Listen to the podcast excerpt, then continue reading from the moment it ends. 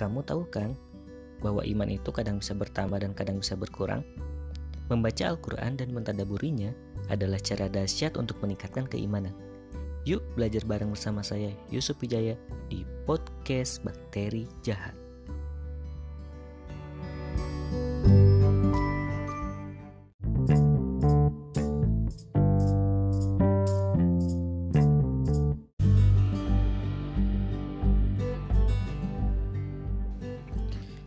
Assalamualaikum warahmatullahi wabarakatuh. Kembali lagi bersama saya Yusuf Wijaya di podcast Bakteri Jahat episode 10 uh, Dan acara ini disponsori oleh Tokopedia. Belanja apa aja kapan aja di mana aja cuma di Tokopedia.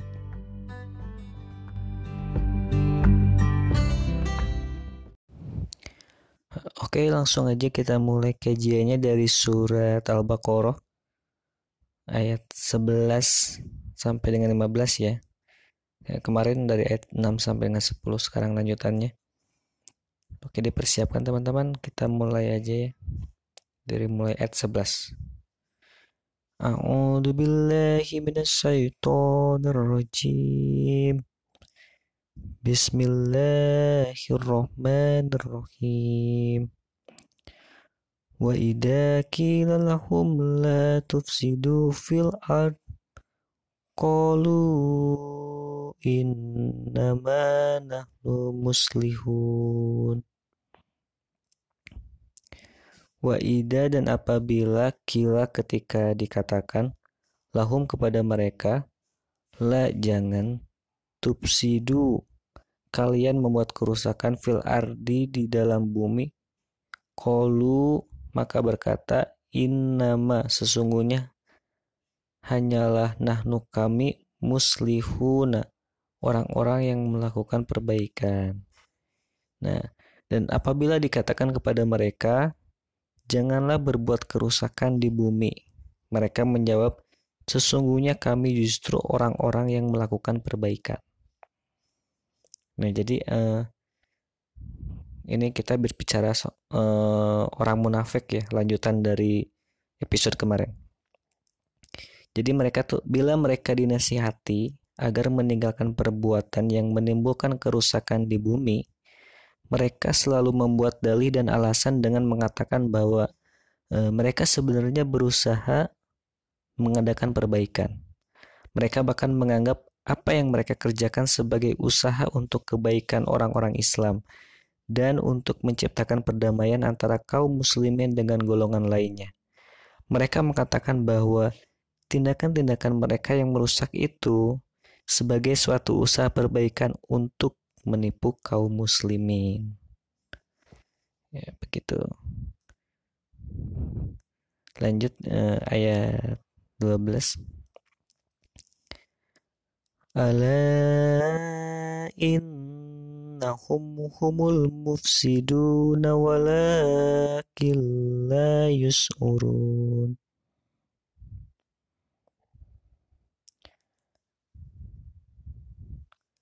Ala dan ingatlah innahum sesungguhnya mereka humul mufsidun. Mereka orang-orang yang membuat kerusakan walakin akan tetapi la yas'uruna tidak mereka sadar. Ingatlah sesungguhnya mereka lah yang berbuat kerusakan tetapi mereka tidak menyadarinya. Jadi eh, pada ayat ini Allah membantah pernyataan orang-orang munafik bahwa mereka mengadakan perbaikan, tetapi mereka betul-betul membuat kerusakan di bumi. Sebenarnya mereka adalah kaum perusak tetapi mereka tidak menyadari kerusakan yang telah mereka lakukan karena e, setan membuat mereka memandang baik apa yang selalu mereka kerjakan.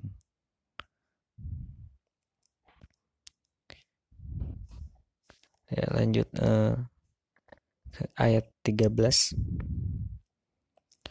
Wa idza qila lahum aminu kama amanan nasu qalu qalu anu minu kama amanas sufaha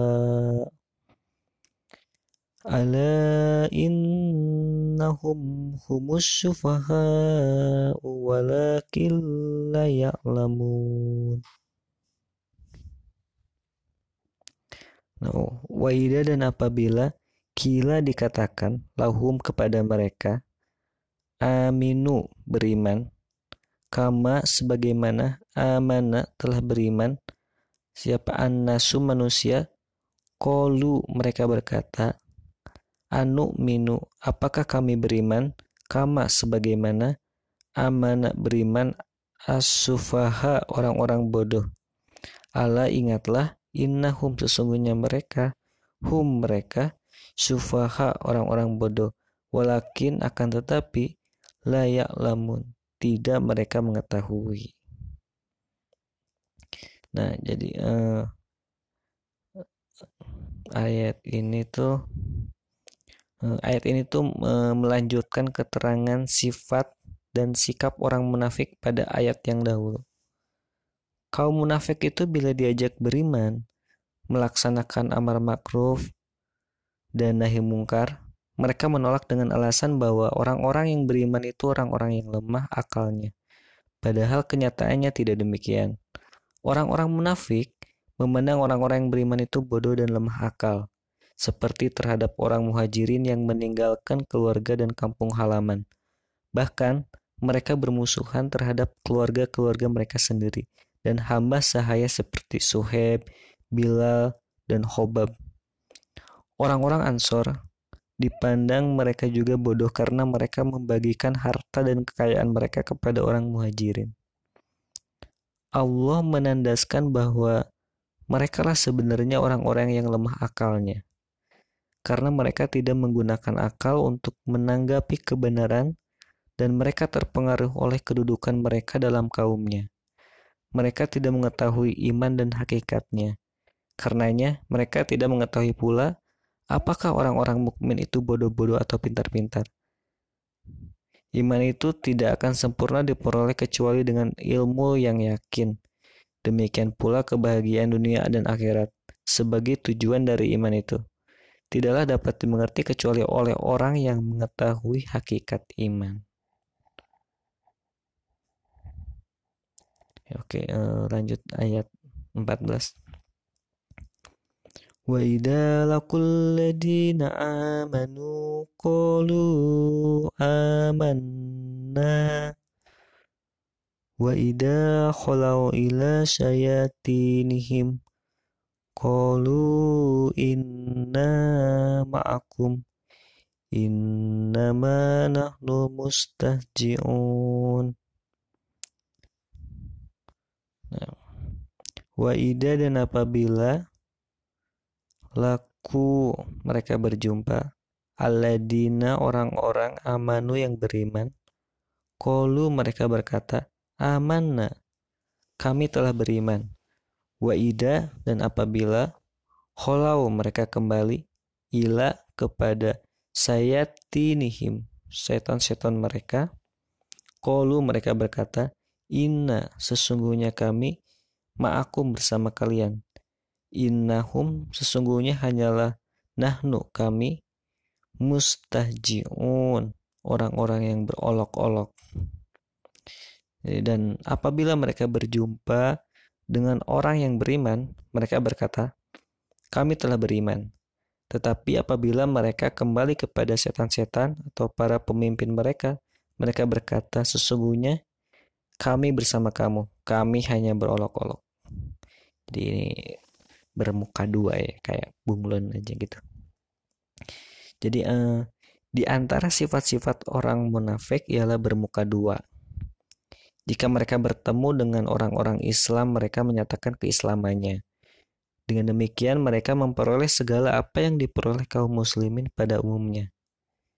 Nah tapi apabila berada di tengah teman-teman atau setan-setan mereka mereka pun menjelaskan apa yang telah mereka lakukan itu sebenarnya hanyalah untuk memperdaya dan memperolok-olok kaum muslimin. Etikat mereka tidak berubah, mereka tetap dalam agama mereka.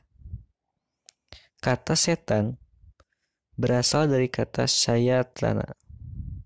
Berasal dari kata syatana, artinya jauh. setan berarti yang amat jauh. Orang-orang munafik itu dikatakan setan karena mereka amat jauh dari petunjuk Allah. Jauh dari kebajikan dan kebajikan. Setan itu mungkin berupa manusia atau jin. Seperti tersebut dalam firman Allah dalam surat Al-An'am ayat 112 Wa kadzalika ja'alna likulli nabiyyin aduwan sayatinal insi wal jinni yuhi ba'duhum ila ba'din juhru fal qawli gururo nah, dan demikianlah untuk setiap nabi kami menjadikan musuh yang terdiri dari setan-setan manusia dan jin sebagian mereka membisikkan kepada sebagian yang lain perkataan yang indah sebagai tipuan. Nah, itu ya. Asbabul nujulnya ya dalam ini ayat 14 ini uh, Al-Uhadi dan At-Solabi meriwayatkan dari Muhammad bin Marwan As-Sudi As-Sogir dari Al-Qalabi dari Abu Solih dari Ibnu Abbas dia berkata Ayat ini turun berkenaan dengan Abdullah bin Ubay dan kawan-kawannya.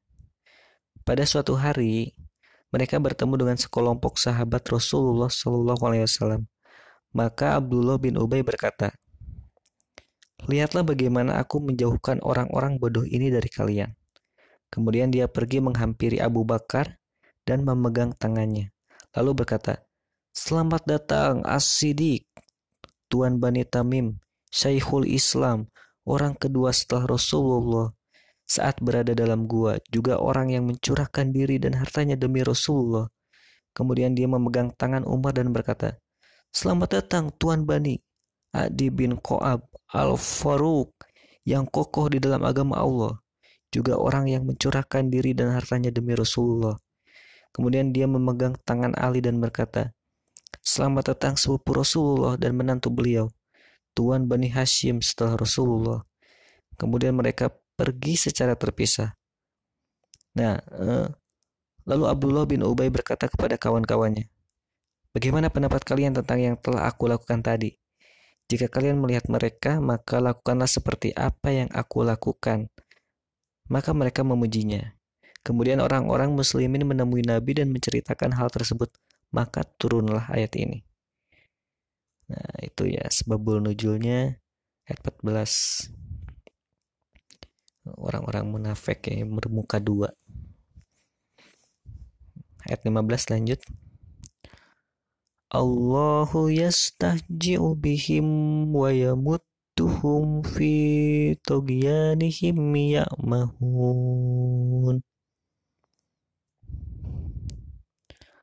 Allahu Allah yastahji'u akan memperolok-olok bihim kepada mereka wayamudduhum dan membiarkan mereka fi togyanihim di dalam kedurhakaan mereka ya mahuna terombang ambing. Ya Allah akan memperolok-olokkan mereka dan membiarkan mereka terombang ambing dalam kesesatan. Jadi eh, ayat ini tuh menegaskan hukuman bagi orang munafik sebagai akibat perbuatan mereka yang telah tadi disampaikan gitu. Allah membalas olok-olokan mereka dengan menimpakan kehinaan atas mereka dan Allah membiarkan mereka bergelimang terus dalam kesesatan dan mereka kelak akan diazab pada hari kiamat. Pada ayat lain Allah berfirman dalam surat Al-An'am ayat 110 wa nuqallibu afidatahum wa absarahum kama lam yu'minu bihi awwala marratin wa nadaruhum fi tugyanihim ya'mahun dan begitu pula kami memalingkan hati dan penglihatan mereka seperti pertama kali mereka tidak beriman kepada Al-Quran. Dan kami biarkan mereka bingung dalam kesesatan. Nah, orang-orang munafik itu tidak dapat keluar dari lingkaran kesesatan yang mengurung mereka. Rasa sombong, sifat mementingkan diri sendiri, dan penyakit lainnya yang bersarang di hati mereka menyebabkan mereka tidak dapat melihat kenyataan yang ada di hadapan mereka, yakni bahwa Islam dan umatnya semakin kuat di kota Madinah. Kegagalan mereka dalam menghambat kemajuan Islam menambah parah penyakit dalam hati mereka, sehingga mereka tidak mampu lagi menemukan dan menerima kebenaran yang dibawa Nabi Muhammad SAW. Oleh sebab itu, mereka terus-menerus dalam kebingungan, keraguan-raguan, serta keras kepala dan tidak menemukan jalan keluar dari lingkaran kesesatan. Firman Allah dalam surat Al-Hajj ayat 46, "Fa innaha la ta'mal walakin ta'mal qulubul lati sudur." Sebenarnya bukan mata itu yang buta, tetapi yang buta ialah hati yang di dalam dada. Ya, seperti itulah eh, orang-orang munafik ya. Jangan sampai kita tergolong orang-orang yang munafik. Mudah-mudahan kita selalu didekatkan dengan kebaikan. Oke, teman-teman. Ya, sekian dulu eh, surat Al-Baqarah ya ayat eh, 11 sampai 15. Nanti ayat berikutnya kita lanjut lagi di episode berikutnya. Oke, tetap terus dengarkan podcast Bakteri Jahat, teman-teman. Ya, saya Sopi Jaya. Assalamualaikum warahmatullahi wabarakatuh.